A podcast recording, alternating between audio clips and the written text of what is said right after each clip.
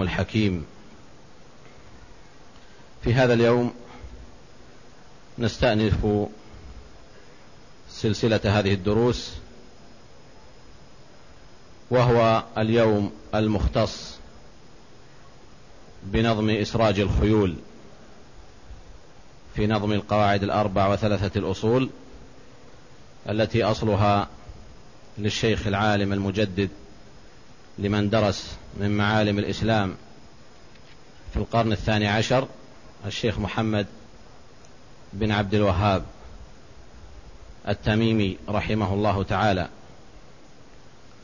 وقد تكلمنا على مقدمة الناظم فيما مضى إلى أن وصل إلى ما يتعلق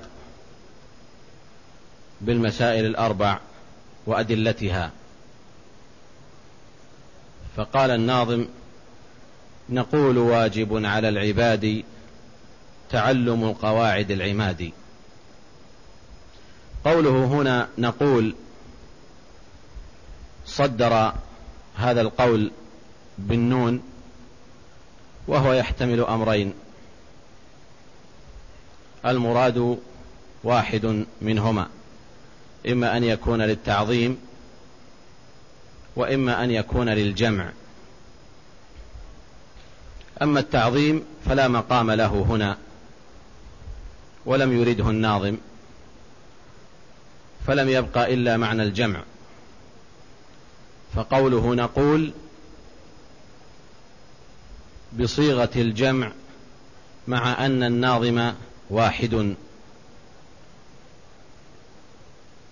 لكن العلة في هذا هو أن هذا القول غير مختص بالناظم فحسب. وإنما هو قول أهل السنة والجماعة في أبواب الاعتقاد. لا سيما وأن الناظم هنا ينظم قول الشيخ محمد ابن عبد الوهاب رحمه الله فصار اثنين ومن سبقهما يدل على الجمع. وعلى فرض أنه يريد صاحب الأصل ويريد الناظم فإنه يحمل على أن أقل معنى الجمع اثنان كما هو عند المالكية أن أقل الجمع اثنان. كما قال الناظم أقل معنى الجمع في المشتهر اثنان عند الإمام الحميري. فإذا هنا قصده بنقول أي ما يقوله أهل السنة والجماعة ويدينون الله جل وعلا به في أبواب الاعتقاد. قوله واجب على العباد. أتى بلفظ الواجب هنا. للحاجة إليه لأن الواجب هو أحسن ما يعبر به في هذا المقام. إذ مقام الاعتقاد والإيمان بالله جل وعلا من الأهمية بمكان وهو واجب على كل عبد مسلم أن يعلم ما يدين الله جل وعلا به. فلذلك عبر الناظم هنا بالوجوب لأن الأمر لا يسع إلا ذلك. ولم يعبر بالاستحباب ولا بما لا يدل على الوجوب وإنما نص على الوجوب هنا. والواجب في اللغة هو الساقط واللازم أو هو الساقط اللازم. فالشيء إذا سقط على الأرض لزمها. فلذلك سمي واجبا. ومنه قوله تعالى فإذا وجبت جنوبها فكلوا منها وأطعموا القانع والمعتر فقوله فإذا وجبت أي إذا سقطت وهي إذا سقطت لزمت الأرض. فهذا هو الواجب في اللغة. فكأن معنى اللزوم أو معنى الوجوب موجود في أصله اللغوي وهو اللزوم. ومنه قول الشاعر أطاعت بنو عوف أميرا نهاهم عن السلم حتى كان أول واجب يعني كان أول ساقط من على فرسه في هذه الحرب. إذا هذا تعريف الواجب في اللغة. أما في الاصطلاح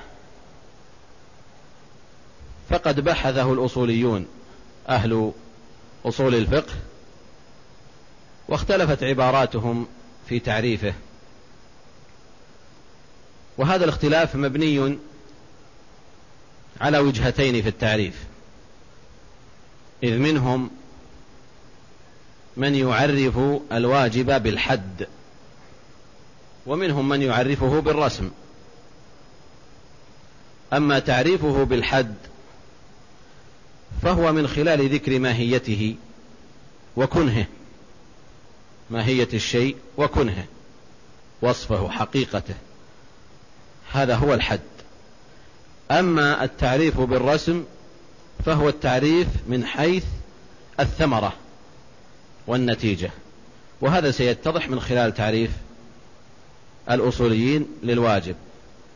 فمنهم من يقول أي الذين عرفوه بالحد قالوا إن الواجب في الاصطلاح هو ما أمر به الشارع أمرا جازما على وجه الاستعلاء. ما أمر به الشارع أمرا جازما على وجه الاستعلاء. فقوله هنا ما أمر به الشارع أو قولهم أي أي الأصوليين قولهم أي الأصوليون ما أمر به الشارع أخرج ما هو خلاف الأمر. والشارع هنا يشمل ما ثبت من الأمر من الله جل وعلا وما ثبت من الأمر من النبي صلى الله عليه وسلم لأن التشريع إنما يأتينا من طريق الكتاب أو السنة. أو من طريقهما جميعا. يعني يكون في الحكم الواحد أو في الأمر الواحد نصان من الكتاب ومن السنة أو أن يكون من الكتاب دون السنة أو أن يكون من السنة دون الكتاب. هذه أوجه أمر الشارع. ولذلك قال قالوا ما أمر به الشارع ولم يقولوا ما أمر به الله جل وعلا لئلا يخرج بذلك أمر النبي صلى الله عليه وسلم. ما أمر به الشارع أمرا جازما أو إن شئتم فقولوا على وجه الإلزام أمرا جازما. قولنا هنا جازما تأكيد لهذا الوجوب وقيد له لأنه لو لم يكن هذا الأمر جازما فإنه حينئذ لا يراد منه الوجوب وإنما يراد منه إما الإباحة وإما الاستحباب. لأن الأمر قد يأتي من الشارع ويعني ثلاثة أمور. يعني الواجب وأقيموا الصلاة واجبة. أو يعني المستحب كما جاء في أمور مستحبة كثيرا كالسنن الرواتب ونحوها. أو أن يكون في أمر مباح. كقوله تعالى وإذا حللتم فاصطادوا. فهذا أمر قوله فاصطادوا. هنا أمر لكنه أمر للإباحة لأنه كان بعد حظر وهو المنع من الصيد فعاد إلى الأصل الذي هو قبل الحظر وهو الإباحة فالأمر هنا للإباحة.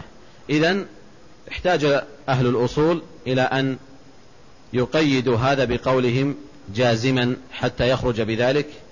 غير الجازم وهو الاستحباب والإباحة. وقولهم على وجه الاستعلاء هذا القيد لا يأتي به أكثر الأصوليين وإنما يأتي به بعضهم ليقرنوا بينه وبين قول المتكلمين والمناطقة الذين يفرقون بين أنواع الأمر فيقولون الإنسان إذا أمر شخصا فإنه لا يخلو إما أن يكون هذا الشخص الذي أمره أعلى منه رتبة ومكانة أو أن يكون هذا المأمور مساويا له وإما أن يكون دونه. فأنا إذا أمرتكم بأمر مثلا هنا فلا يخلو من واحد من هذه الثلاثة. فقولهم هنا هنا في الواجب على وجه الاستعلاء حتى نفرق ونفهم أنه لا بد أن يكون الآمر مستعليا على المأمور. وهذا هو الواقع من قبل الله جل وعلا ومن قبل نبيه صلى الله عليه وسلم. فأمر الله وأمر رسوله صلى الله عليه وسلم من جهة العلو. من جهة العلو. وما كان لمؤمن ولا مؤمنة إذا قضى الله ورسوله أمرا أن يكون لهم الخيرة من أمرهم.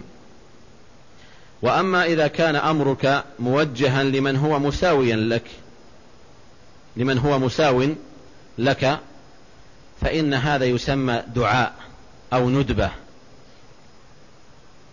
أو التماس.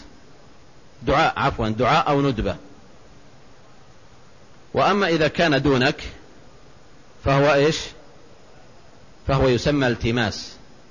فأنت حينما تسأل الله سبحانه وتعالى تقول اغفر لي فهذا أمر. لكنه ليس أمرا بمعنى الوجوب ولا بمعنى الندبة. الاستحباب وإنما بمعنى الالتماس.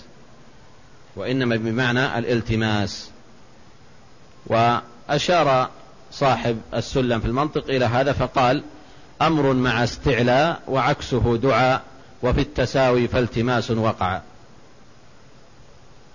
إذا هذا هو تعريف الواجب عند الأصوليين الذين عرفوه بالحد. أما الذين عرفوه بالرسم فقالوا الواجب هو ما يعاقب تاركه ويثاب فاعله.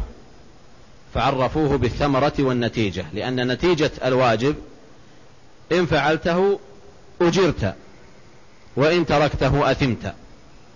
فعرفوه هنا بالرسم بالأثر. والأولى في التعريف أن يكون بالحد ولا يكون بالنتيجة. ومنهم من قال ما يعاقب تاركه ويثاب فاعله ومنهم من قال ما يستحق العقاب تاركه ويستحق الثواب فاعله لأننا لا نجزم بالثواب في الفعل ولا نجزم بالعقاب في الترك. قوله على العباد أتى بلفظ العباد هنا وهو يحتمل أن يشمل عدة أمور. لأن العبودية يراد منها ثلاثة أمور. العبودية العامة. والعبودية الخاصة. وعبودية خاصة الخاصة.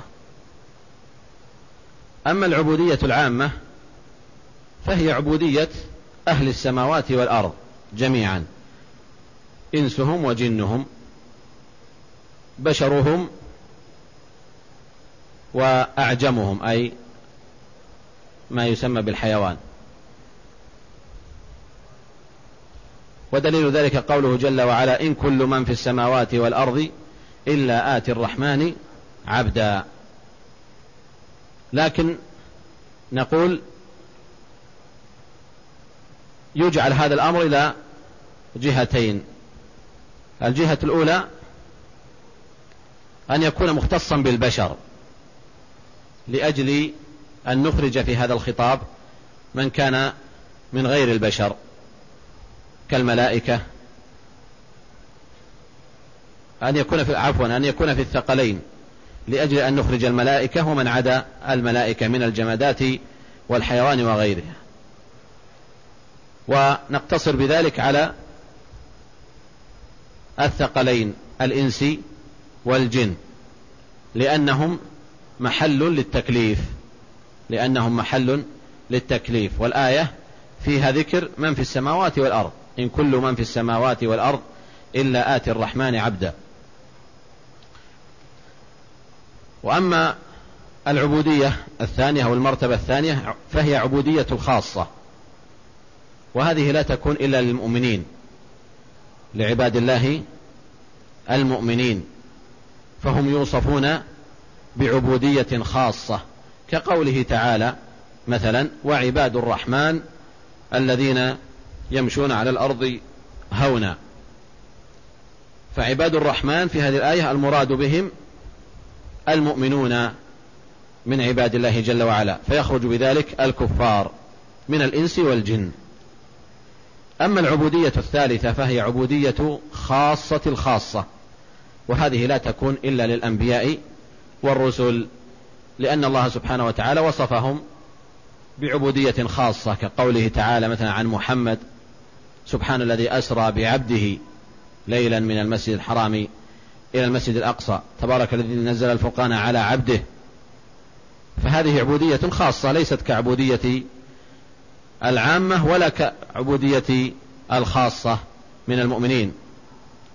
وكذلك أيضا وصف أنبياءه ورسله بالعبودية فقال واذكر عبادنا إبراهيم وإسماعيل وذا الكفل إلى آخر الآية. فإذا هذه مراتب العبودية. فالناظم من يريد من هؤلاء؟ نقول يريد العبودية العامة التي تشمل الجن والإنس الكفار من الجن والإنس من حيث كونها عبودية عامة من وجه ويريد أيضا العبودية الخاصة وهي عبودية المؤمنين. فيكون خطابه هنا موجه إلى المسلمين والكفار لأنهم مخاطبون بأصول الشريعة. ونحن نتكلم هنا بأصول الشريعة. وقد مر معنا سابقا الخلاف عند أهل العلم في خطاب هل الكفار مخاطبون بفروع الشريعة أم لا. لكن درس لكن درسنا هنا عن أصل من أصول الشريعة وهو باب من أبواب الاعتقاد فالكفار مخاطبون فيه. قوله تعلم القواعد العمادي التعلم سيأتي بعد قليل وأما القواعد هنا فهي جمع لقاعد وجمع لقاعدة. فإن كان الجمع للعاقل يعني لشيء عاقل كالإنس والجن فإنه إذا أريد به إذا أتي بالجمع هنا يكون مفرده قاعد فالقواعد جمع قاعد. تقول امرأة قاعد وناقة قاعد ومنه قوله تعالى والقواعد من النساء. جمع قاعد وليس جمع قاعدة. بعض الناس يقول قاعدة. ومثله امرأة حامل. تقول حوامل مفرده حامل ولا تقول حاملة. ولا تقول حاملة. أما إذا أريد به غير العاقل فيكون مفرد القواعد هنا قاعدة. فتقول مثلا هذه قاعدة أصولية. هذه قاعدة المسجد. هذه قاعدة الكرسي ولا تقل هذه قاعد الكرسي ولا قاعد المسجد. واضح؟ فهنا يفرق. فالقواعد هنا إذن جمع إيش؟ ها؟ جمع قاعدة نعم. تكون القواعد هنا جمع قاعدة. والقاعدة هي المنظومة الكلية التي يتفرع عنها أشياء. وقد يطلق عليها بعضهم بالأصول. وقد يطلق عليها بعضهم بالأصول. وقوله هنا العماد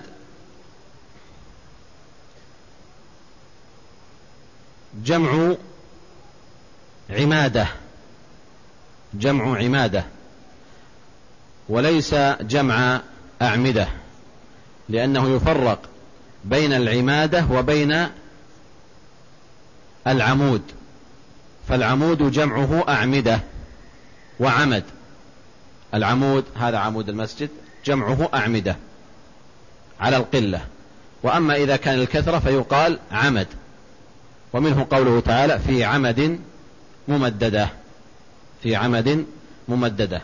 وأما هنا العماد فهي الأبنية المرتفعة العالية. ومفردها عمادة. ومفردها عمادة. ومراد الناظم هنا أن هذه القواعد الأربع التي سيأتي ذكرها هي كالأبنية المرتفعة الشاهقة في قوتها وأصالتها ووضوحها وبيانها. فوضعها ووصفها بهذه الأبنية أعظم وصفا من مجرد العمود الواحد أو ما شاكل ذلك لأن العمود قد يحمل الشيء لكنه لا يظهر. أما, أما الأبنية فهي الأبنية المرتفعة فهي ظاهرة شاهرة. ومن هنا عبر بالعماد ولم يعبر بالعمد. القواعد العماد هذا وصف للمسائل الأربعة التي سيذكرها. قوله أولها العلم كذا العبارة. بدأ الناظم هنا في بيان هذه المسائل الأربع الواحدة تلو الأخرى. فقال أولها العلم كذا العبارة. فتعرف الله بلا نكارة وتعرف النبي كالخليل والدين بالدليل أيضا قيل وسمعتم هذه القواعد أو المسائل الأربع التي ذكرها الشيخ محمد بن عبد الوهاب رحمه الله وهي في أصلها مقتبسة من كلام لابن القيم رحمه الله حينما تكلم عن مراتب الجهاد وأنواع الجهاد فذكر أن مراتب الجهاد هي جهاد النفس وجهاد الشيطان وجهاد الكفار والمنافقين. جهاد النفس وجهاد الشيطان وجهاد الكفار والمنافقين. ثم ذكر ابن القيم رحمه الله تعالى لكل نوع مراتبه الخاصة. فذكر مراتب جهاد النفس وهي التي اقتبسها منه الشيخ محمد عبد الوهاب رحمه الله وجعلها بهذا العموم بحيث تكون قواعد مهمة. أعظم من أن تكون مجرد قواعد في الجهاد وإنما تكون قواعد في الاعتقاد. فذكر ابن القيم رحمه الله أن مراتب جهاد النفس وهي التي هنا العلم والعمل به والدعوة إليه والصبر على الأذى فيه. وقال ابن القيم رحمه الله إذا اجتمعت هذه الصفات في العالم فهو العالم الرباني الذي يقال له ربانيا ولكن كونوا ربانيين. إذا اجتمعت هذه المراتب الأربع في الإنسان فهو العالم الرباني الذي يعلم ويدعو إليه وكذلك آه، يصبر على الأذى فيه ويعمل به. هذه تمام مراتب الربانية إذا اجتمعت في العالم.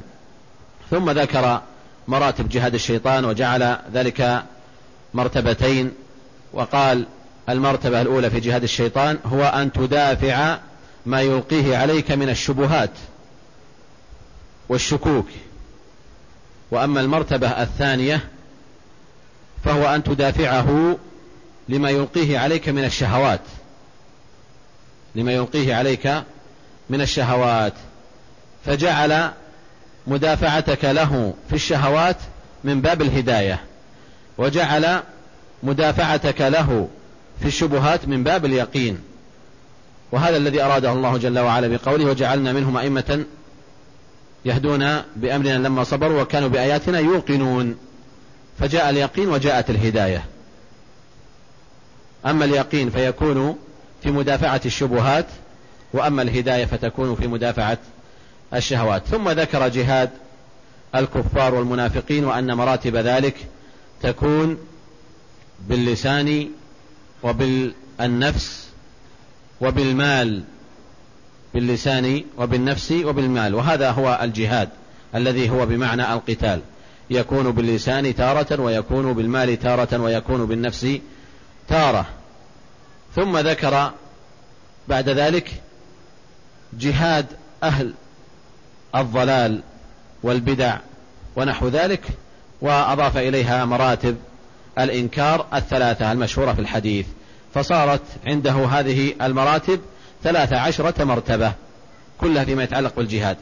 فالشيخ محمد رحمه الله تعالى محمد بن عبد الوهاب أخذ من ابن القيم رحمه الله هذه المراتب الأربع في جهاد النفس وستأتي واحدة تلو الأخرى بإذن الله تعالى. قوله أولها العلم كذا العبارة. قول الناظم هنا كذا العبارة يعني هذه عبارة المؤلف الأصل وهو الشيخ محمد حيث بين أن المرتبة الأولى أو المسألة الأولى العلم. والعلم ضد الجهل. العلم في اللغة ضد الجهل. وبعض الأشياء تعرف بأضدادها. فإذا أردت أن تعرف الجهل في أصله فهو ضد العلم. وإذا أردت أن تعرف العلم في أصله فهو ضد الجهل. وأما في الاصطلاح فالعلم هو معرفة الشيء على حقيقته أو على ما هو به. معرفة الشيء على حقيقته. فمعرفة الشيء تخرج عدم المعرفة. وعدم المعرفة هي الجهل. وعدم المعرفة هي الجهل. وقولهم على حقيقته يخرج بذلك معرفة الشيء على غير حقيقته. وهذا ينقسم إلى قسمين معرفة الشيء على غير حقيقته. إما أن يكون جهلا بسيطا أو أن يكون جهلا مركبا. ونوضح ذلك بالمثال. أنت الآن تعلم أن الصلاة واجبة. فعلمك هذا هو معرفة الشيء على حقيقته لأن حقيقة الصلاة أنها واجبة على الإنسان. فعلمك هنا علم كامل. عرفت الشيء على حقيقته وهو العلم الصحيح. لكن قد تعرف الشيء على غير حقيقته. فتقول مثلا صلاة الظهر مستحبة. فأنت علمت بالصلاة وعلمت بصلاة الظهر لكنك علمتها على خلاف حقيقتها وحقيقتها أنها واجبة وأنت تقول مستحبة. فعلمك هنا علم مقلوب علم مقلوب. هو في حقيقته جهل وإن عرفت الظهر وعرفت عدد الركعات وعرفت إلا أنك جهلت إيش؟ حكمها فصار علمك هنا علما مقلوبا فهو جهل في حقيقته. جهل منك أن تقول أو أن تعلم أن صلاة الظهر مثلا مستحبة أو العصر أو المغرب أو نحو ذلك من الأمور الواجبة. لكن هذا العلم المقلوب هو الذي يسمى وتسمعون به أحيانا يقال جهل مركب. الجهل البسيط هو عدم معرفة الشيء. أقول لك مثلا ما حكم العمرة؟ تقول لا أدري. تقول لا أدري. فهنا جهلك هذا يسمى جهل بسيط. يسمى جهلا بسيطا. لكن لو قلت لك ما حكم العمرة؟ فتقول هي ركن من أركان الإسلام ومن تركها فهو كافر. فهنا أنت أجبت وأظهرت علما لكنه علم مقلوب وهذا ما يسمى بالجهل المركب. لأنك جمعت بين أمرين كونك بين كونك جاهلا في الأصل وإضافة شيء ليس حقيقيا. فاجتمع عندك جهلان فسمي جهلا مركبا. فسمي جهلا مركبا. فإذا هذا هو العلم هو المسألة الأولى. من المسائل الأربع التي يجب على الإنسان أن يعرفها وهو العلم. أي تعلم شريعة الله جل وعلا وتعلم ما أوجبه الله جل وعلا عليك من عبادته وتوحيده والعمل بشريعته. وهو أقسام العلم هو أقسام إما أن يكون أو قسمان بعبارة أوضح إما أن يكون علما ضروريا أو أن يكون علما غير ضروري أي مكتسب. العلم الضروري هو ذلك العلم الذي لا يحتاج إلى استنباط ولا إلى استدلال وإنما يعرف بالضرورة والأشياء التي تعرف بالضرورة تنقسم إلى قسمين. إما أن تكون هذه الضرورة من طريق التواتر. كأن تعلم أن الحدث الفلاني حصل في يوم كذا وكذا وهو حدث عرف بالتواتر بحيث لا ينكره أحد. لا ينكره أحد. كلنا نعرف عام الفيل مثلا. هذا علمه ضروري لأنه عرف بالتواتر لأنه عرف أو علم بالتواتر. فأي شيء تعلمه من خلال هذه الحواس بمجموعها أو ببعضها أو بواحدة منها فهو علم ضروري لا يحتاج إلى استنباط. فأنت كيف تعرف أن النار محرقة؟ كيف تعرف أن النار محرقة؟ هل أنت تعرف ذلك من خلال كلام الناس؟ وهل تحتاج عند اللمس إلى أن يبين لك الناس أنها محرقة أو تكتشف أنها محرقة من خلال قول الناس أو من خلال لمسك؟ من خلال لمسك. فهنا مثلا نشاهد الكعبة. فعلمنا بالكعبة هنا لا نحتاج إلى أحد أن يقول الكعبة موجودة هنا مثلا. فعلمك بالكعبة هنا علم بالإبصار بالبصر بإحدى الحواس. وهكذا بالنسبة للسمع. حينما تسمع مثلا زئر الأسد تعرف أن هذا صوت الأسد. وصهير الخيل ونحو ذلك. فإذا أي شيء يستفاد من الحواس الخمس فهو علم ضروري. لا يحتاج إلى استنباط ولا إلى بيان. هذا الطعام تأكله وتعرف هل هو مالح أو غير مالح. وذلك من خلال الذوق. ولا تحتاج إلى أحد يخبرك بذلك إلا عند من تتعطل عنده حاسة من هذه الحواس وهي تتعطل عند بعض عند بعض البشر. السمع يتعطل عند البعض وحاسة اللمس تتعطل عند البعض وحاسة الذوق وحاسة الشم والبصر كذلك والسمع. كل هذه الحواس قد تتخلف عن بعض البشر.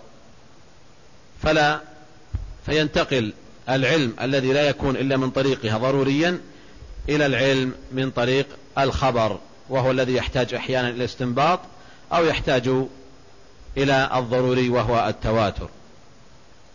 وقد أشار الناظم ناظم الورقات إلى هذا بقوله والعلم إما باكتساب يحصل والعلم إما باضطرار يحصل أو باكتساب حاصل فالأول كالمستفاد بالحواس الخمس بالشم أو بالذوق أو باللمس والسمع والإبصار ثم التالي ما كان موقوفا على استدلال.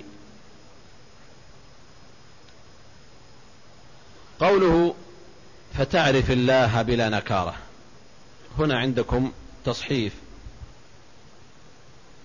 تصححون الأصل فلتعرف الله بلا نكارة. أولها العلم كذا العبارة. فلتعرف الله بلا نكارة. ولتعرفوا.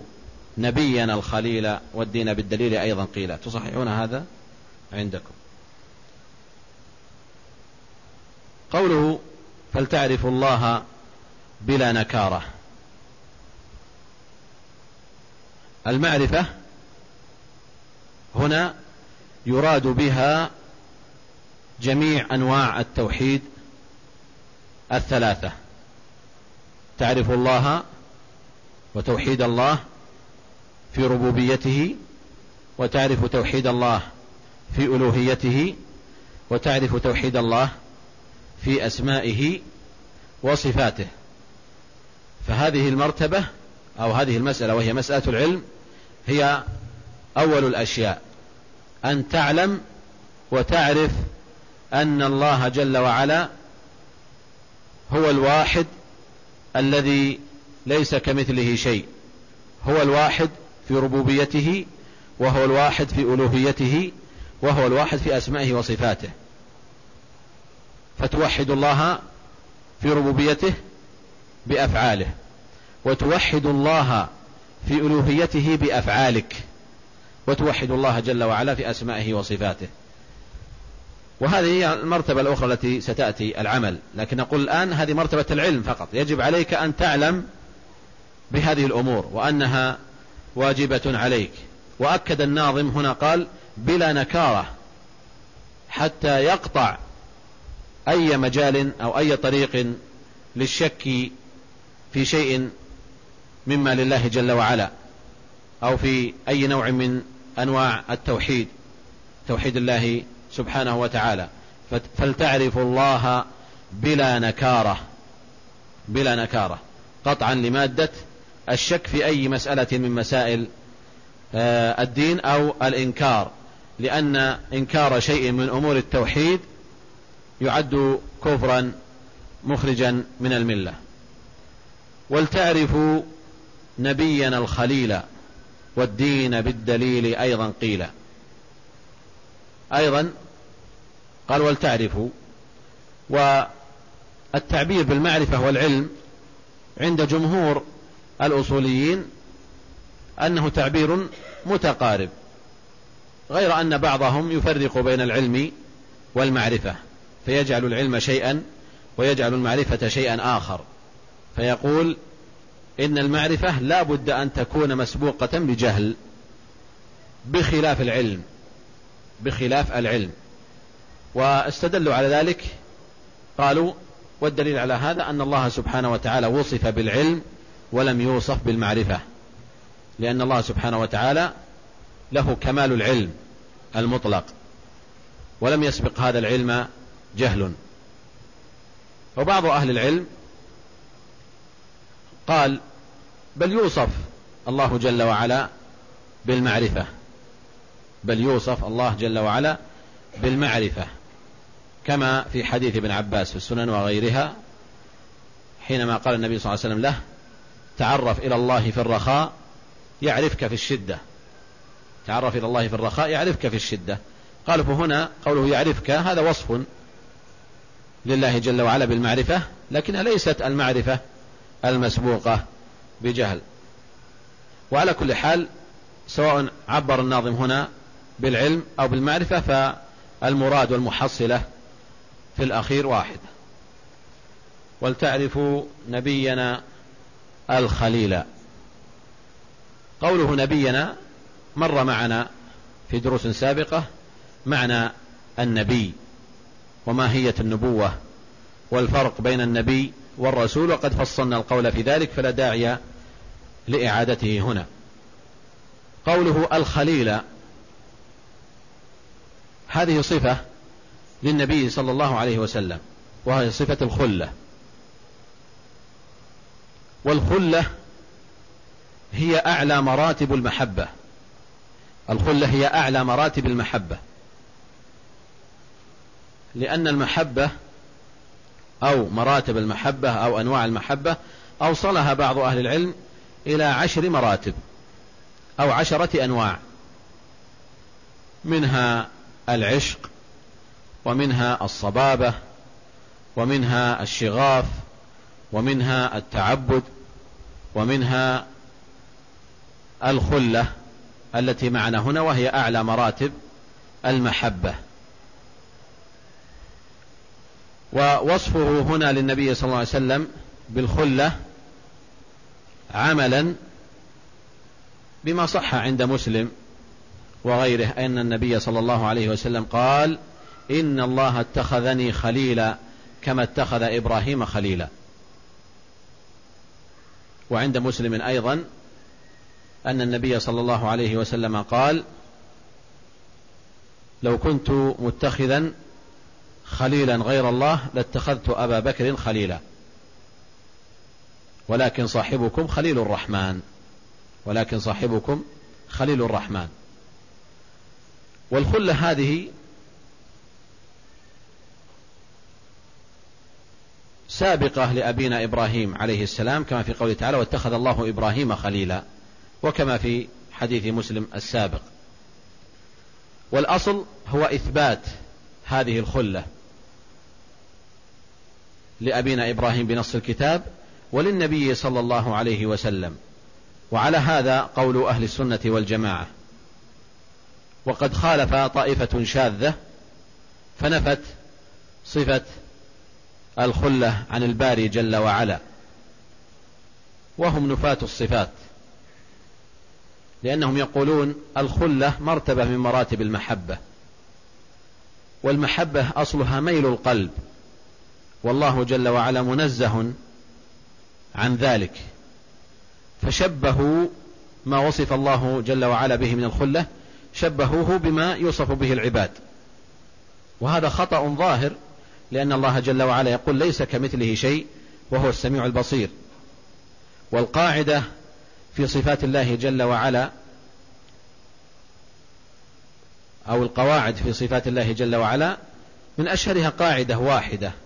من أشهرها يعني يستطيع الإنسان أن يحكم على الصفات من خلالها. هو أن كل شيء أو كل صفة تثبت في كتاب الله أو في سنة النبي صلى الله عليه وسلم للباري جل وعلا فلنعلم أنها صفة لائقة به سبحانه وتعالى لا يشابهه فيها مخلوق.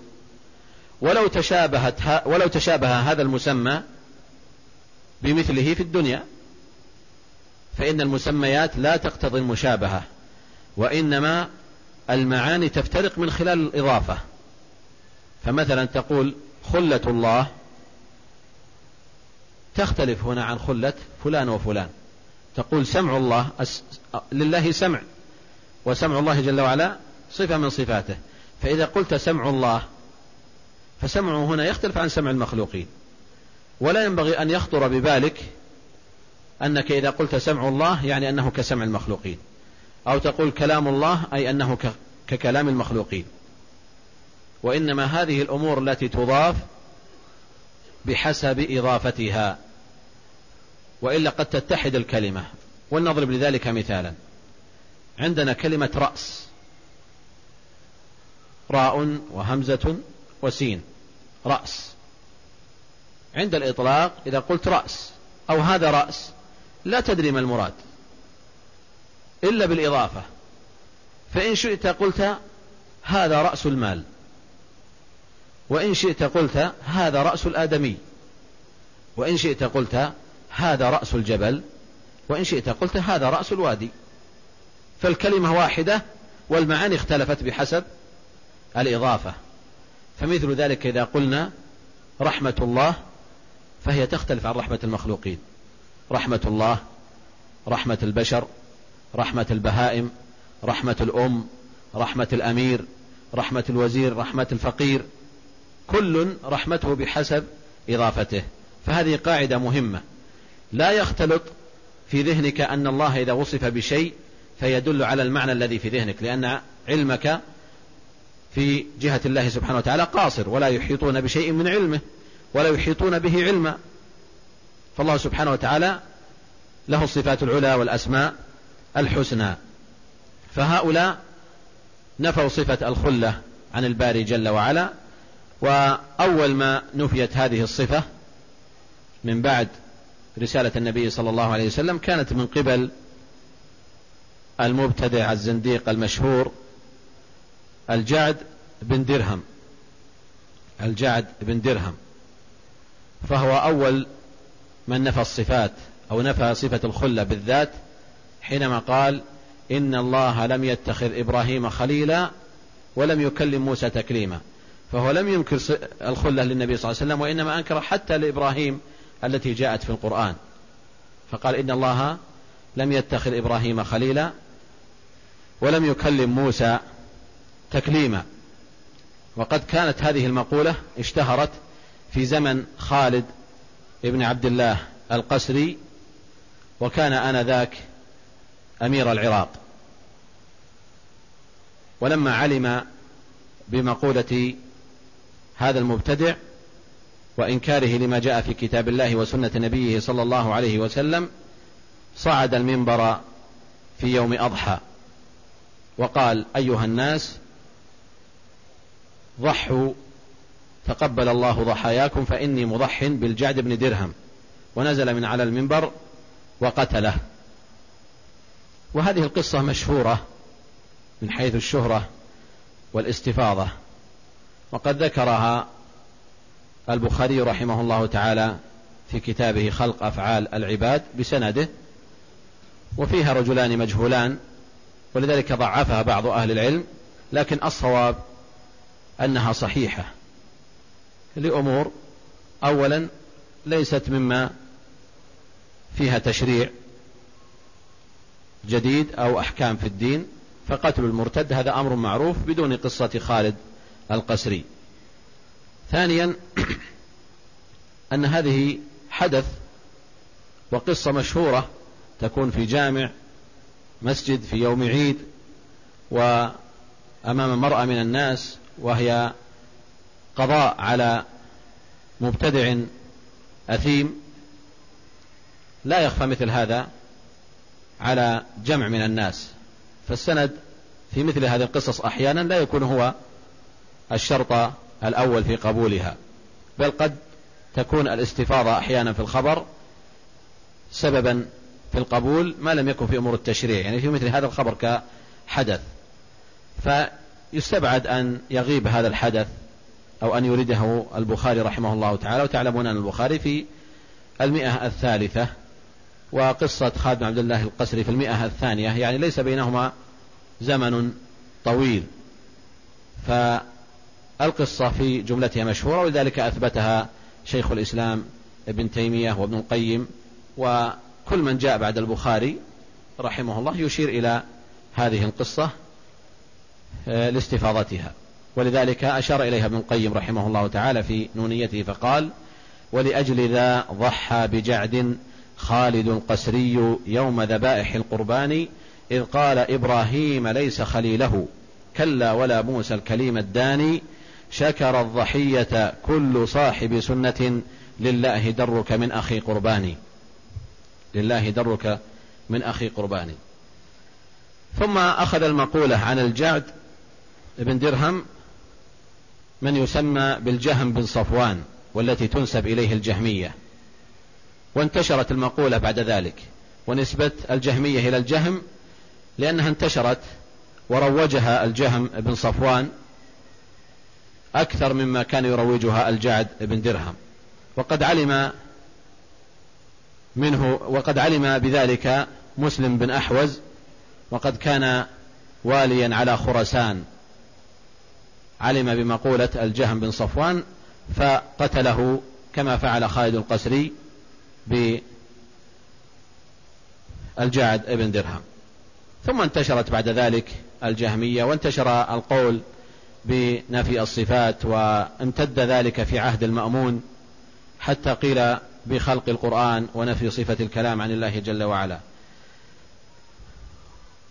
وهناك من لا ينفي صفة الخلة مطلقا ولكن ينفيها عن النبي صلى الله عليه وسلم مع الله جل وعلا ويقول الخلة لنبينا إبراهيم لأبينا إبراهيم عليه السلام. وأما النبي صلى الله عليه وسلم فله المحبة. ويستدلون على ذلك بما جاء عند الترمذي والدارمي وغيرهما أن النبي صلى الله عليه وسلم قال إن الله اتخذ إبراهيم خليلا. وأما صاحبكم فحبيب الرحمن أو كما قال. وأما صاحبكم فحبيب الرحمن. وهذا الحديث ضعيف ولا يصح ويرده ما جاء عند مسلم وغيره أن النبي صلى الله عليه وسلم أثبت صفة الخلة لنفسه كما اتخذ الله جل وعلا إبراهيم خليلا. فالناظم هنا جاء بصفة الخلة ليذكر بها المستمع والقارئ مكانة النبي صلى الله عليه وسلم عند الله جل وعلا حتى يكون له في قلبه المكانة الكبرى. ثم قال الناظم والدي والدين بالدليل أيضا قيل الدين من دان يدين ديانة وهو الاعتقاد والتمسك بالشيء وهو خلاف أدان يدين إدانة. فتقول بما تدين الله جل وعلا ولا تقول بما تدين الله جل وعلا. لأنك إذا قلت بما تدين بعض الناس يفرق يقول أدين بدين محمد مثلا. فهذا خطأ. وإنما تقول أدين لأنه من دانا. يدين ديانة. أما أدين أو تدين فهذا من الإدانة وهي التهمة. من الإدانة وهي التهمة. والدين هنا هو ما ذكر الله جل وعلا. إن الدين عند الله الإسلام. ومن يبتغي غير الإسلام دينا فلن يقبل منه. وهو في الآخرة من الخاسرين. قوله بالدليل أيضا قيل هذه المرتبة الأولى التي هي العلم لا بد أن تعرف فيها ثلاثة أمور. العلم هذا لا بد أن يكون في ثلاثة أمور. في أن تعرف الله وأن تعرف نبيك صلى الله عليه وسلم وأن تعرف الدين.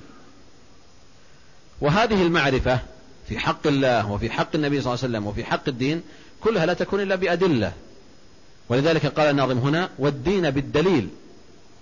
وقوله بالدليل هنا للأمور الثلاثة الماضية لمعرفة الله ومعرفة نبيه صلى الله عليه وسلم ومعرفة الدين. فلا بد أن تكون بالدليل لأن المعرفة التي ليست بدليل المعرفة التي بلا دليل ليست معرفة. قد تكون تكهنا أو نحو ذلك. فلا بد من الدليل.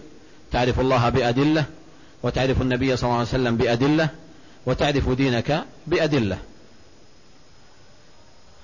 والدين بالدليل أيضا قيل. وقوله هنا قيل من القول. تقول قال يقول قولة وقولا. إن كان مؤنثا تقول قولة. وإن كان مذكرا تقول قولا. أو تقول مقالة إن كانت مؤنثة وتقول مقالا إن كان مذكرا. وأما قول بعضهم قال مقولة فهذه خلاف الصحيح. فلا يقال مقولة وإنما يقال مقالة أو قولة. وما يشتهر على ألسنة الناس هذه مقولة فلان هذا خطأ. وإنما تقول هذه مقالة فلان أو مقال فلان أو قولة فلان أو قولة فلان. وقوله هنا قيل ليست من باب التمريض لأنه أحيانا يقال قيل إن فلانا قد جاء. فتحتمل كلمة قيل هنا تحتمل التضعيف يعني ليس فيها جزم. ولذلك إذا جاء لفظ روي أو قيل في النقل فتجدون بعض أهل العلم يشيرون إلى ضعف هذه المقولة بسبب كلمة قيل. لكنها ليس كلما قيلت في أي مكان تكون على هيئة التضعيف أو التمريض أو التمريض وإنما هي من باب البناء المطلق لما لم يسمى فاعله. فقوله هنا قيل أصلها قول قول لها ثلاث حالات. إما أن تقول قيل هكذا بالوضوح قيل أو تقول قويل بالإشمام أو أن تقول قول. وكل هذه صحيحة.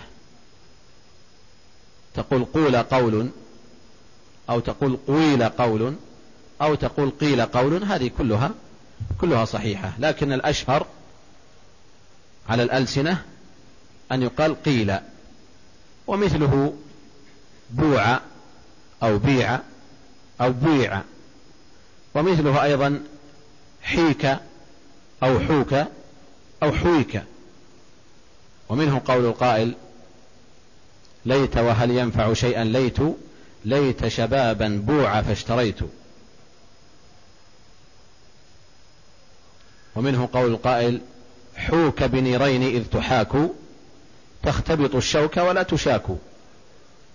فالأول أن تكون الأولى يعني أو الأشهر والأكثر أن تكون بما ذكره الناظم هنا قيل. وهذا الذي جاء في القرآن وقيل يا أرض ابلعي ماءك ويا سماء أقلعي. ولو قلت قويل أو قول فهذا صحيح. فهذا صحيح. وهذه العبارة إذا قلت, قلت قيل كما تقول أكل وشرب هذا الذي يسمى عند النحاة بالمبني للمجهول. وهذا هو المشهور عند المتأخرين. والصواب أن يقال المبني لما لم يسمى فاعله.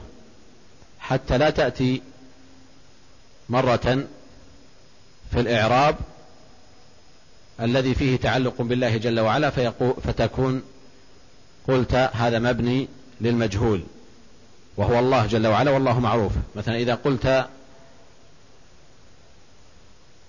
أمطر اليوم علينا مطر مطرا أمطر هذا مبني في إعراب بعض النحاة يقولون مبني للمجهول.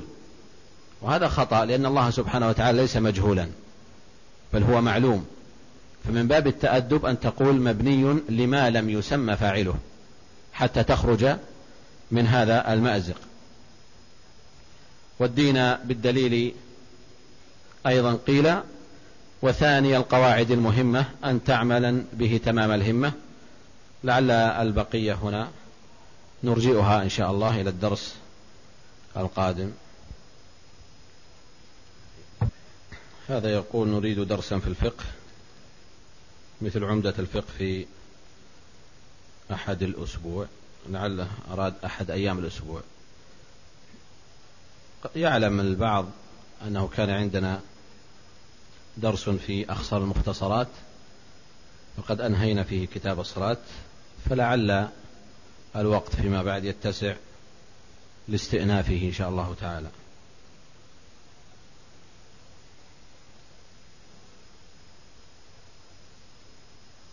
هذا يسأل عن الغسل من الجنابة. هل يجزئ عن الوضوء أو لا؟ هذه المسألة اختلف فيها أهل العلم على قولين. منهم من لم ير الإجزاء بل للجنابة غسلها ويتبع ذلك بالوضوء لرفع الحدث الأصغر. وهذا قول الجمهور. وذهب بعض المحققين إلى أنه يدخل الحدث الأصغر مع الحدث الأكبر. وهو اختيار شيخ الإسلام ابن تيمية رحمه الله تعالى. ولعل هذا هو الأقرب. إذا كان المرء على جنابه فنوى رفع هذه الجنابة هو الحدث الأكبر فإن الأكبر هنا قد شمل الأصغر معه فلو صلى من بعد هذا الاغتسال فصلاته صحيحة وإن لم يتوضأ يعني بحيث إنه اغتسل الغسل المجزئ لأننا نعرف أن الغسل وقد مر معنا في الفقه أن الغسل منه المستحب ومنها المجزئ المجزئ هو أن يعمم جميع بدنه وأما المستحب فهو أن يتبع ذلك بالوضوء كما جاء في الحديث. فهذا السؤال موجه فيما لو اكتفى بالغسل المجزئ. هل يرفع الحدث الأصغر ويشمل الوضوء معه أم لا؟ الأقرب والله أعلم هو ما اختاره شيخ الإسلام رحمه الله تعالى. هل يجوز للمرأة أن تأتي إلى أن تأتي من جدة إلى الحرم مع أمها أو أختها التي معها محرم؟ لا لا يجوز. لا بد أن يكون المحرم هنا محرما لهذه المرأة. ولا يكفي أن تسافر مثلا مع زوج أختها أو مثلا زوج صاحبتها أو نحو ذلك بل لا بد من محرمها هي. وجدة نحن نعلم أن جدة تعد آه، سفرا. وهذا هو الصحيح في الوقت الحالي حتى على قول من يحددون بالسفر. الصواب أنه ليس هناك تحديدا لمسافة السفر وليس هناك دليل يدل على ذلك.